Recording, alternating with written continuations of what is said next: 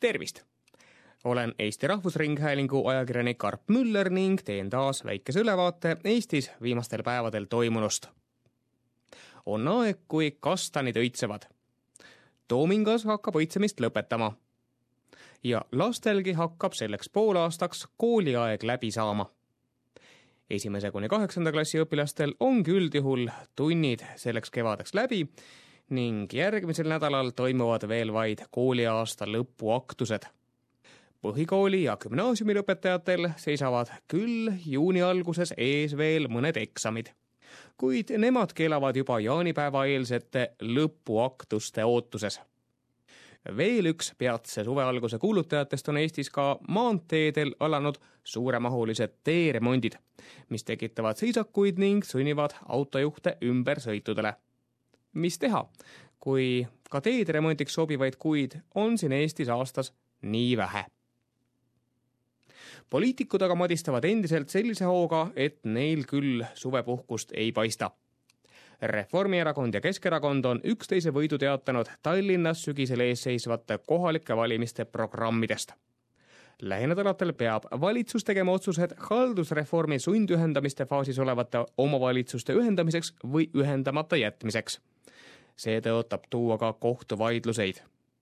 IRL-i uus esimees Helir-Valdor Seeder aga survestab koalitsioonipartnereid jätkuvalt loobuma mitmetest juba varem kokku lepitud, kuid ebapopulaarseteks osutunud ja ettevõtjate vastuseisu kohanud otsustest nagu magusamaksust, pakendiaktsiisi tõusust ning ettevõtetest välja laenatud summadele rakenduvast panditulumaksust, mis oli plaanitud tõkestama kasumi maksuvaba Eestist väljaviimist mai lõpul on järjest löögid tabanud valitsevat Keskerakonda. seda nii valitsuses kui ka Tallinna juhtimises.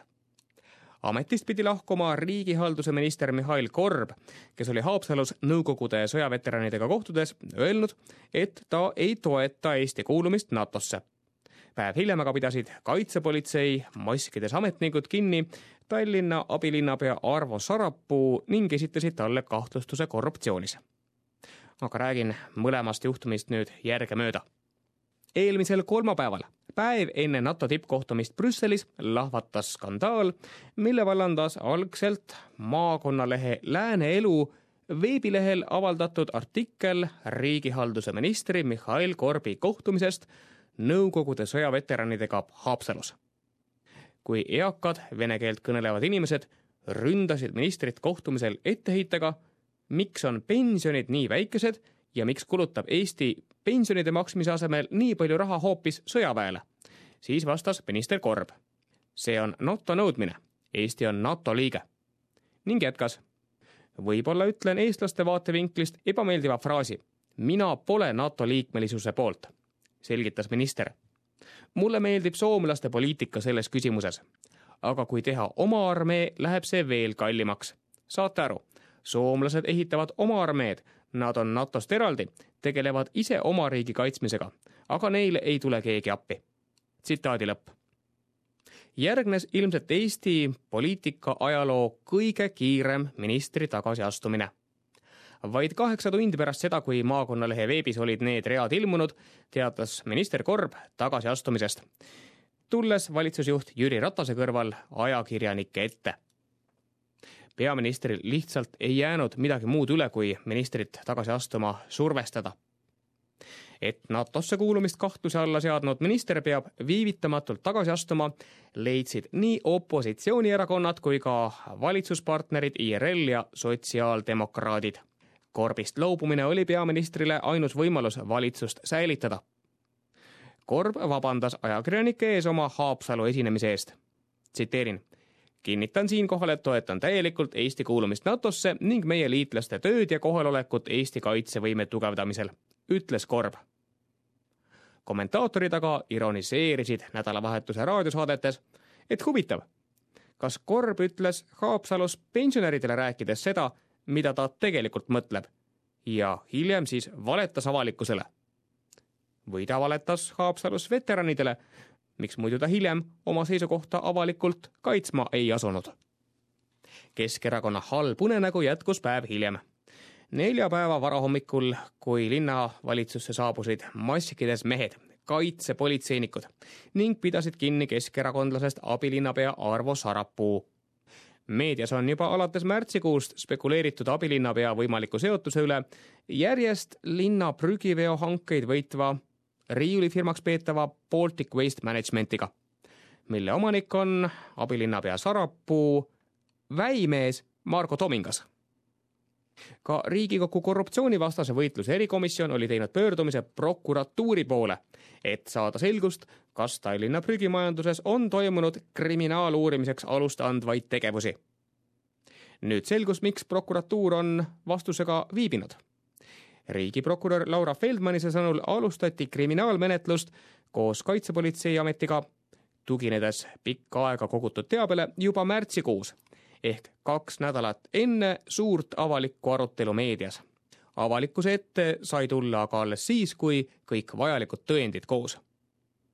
riigiprokurör Feldmanise sõnul kahtlustatakse Sarapuud toimingupiirangu rikkumises eriti suures ulatuses.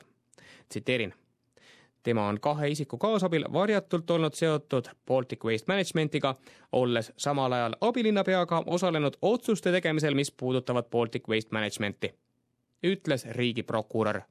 ka sel päeval reageeris Keskerakond kiirelt. erakonna juht Jüri Ratas ning linnapea kohusetäitja Taavi Aas teatasid, et Sarapuu ei saa abilinnapeana jätkata. peatselt esitas Sarapuu ka lahkumispalve. kahtlustuses toodud kriminaalseid tegusid Sarapuu aga eitas kõige selle taustaks on aga mitmeid Tallinna piirkondi nädalaid vaevanud prügiuputus mille põhjustas väidetavalt abilinnapeaga seotud uue turule tulnud jäätmevedaja Baltic Waste Managementi toimetulematus oma tööga. vahetan teemat. huvitav sõnum tuli sõidujagamisteenuste vallast. Kui mitmes maailma riigis püüavad riigivõim ja kohtud võidelda Uberi ja teiste sõidujagamisteenuste pakkujatega, mis kõigutavad senist ülireguleeritud ja ka tarbijate jaoks kulukat taksoturgu siis Eestis teatavasti on Riigikogu ette valmistamas seaduseelnõu, mis keelamise asemel seadustaks seni nii-öelda hallil alal tegutsenud Uberi ja Taxify sarnased sõidujagamisteenused. Juba praegu on Eesti Maksuameti ja Uberi ning Taxify vahel sisukas koostöö, mille näitena tõi Maksuamet sel nädalal esile, et möödunud aasta tulusid deklareeriti Uberi ja Taxify kaudu viis korda enam kui aasta varem.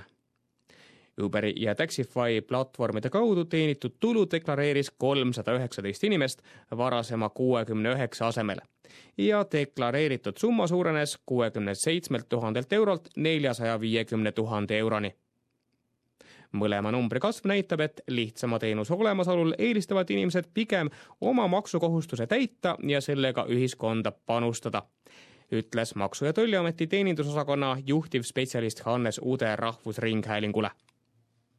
Kui seaduslike taksojuhtide tegeliku sissetuleku kohta puudub riigil pahatihti ülevaade, siis sõidujagamisteenuse pakkujate nii käibest kui ka tuludest, kuludest saab riik hea ülevaate kuna kõik tehingud sõitude ja teenistuste kohta säilivad ju veebiplatvormi abil ning sõlmitud on ka kokkulepe, et sellele infole saab soovi korral juurde ka riik.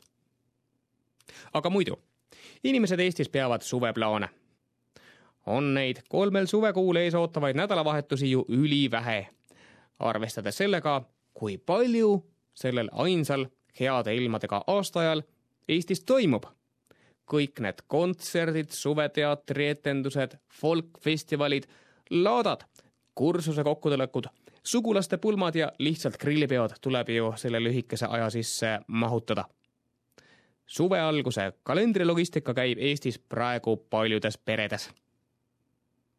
Aga mina, Arp Müller, soovin teile, head kuulajad Austraalias, kõike head ja soovitan võimaluse korral just suvekuudel ka kodust Eestit külastada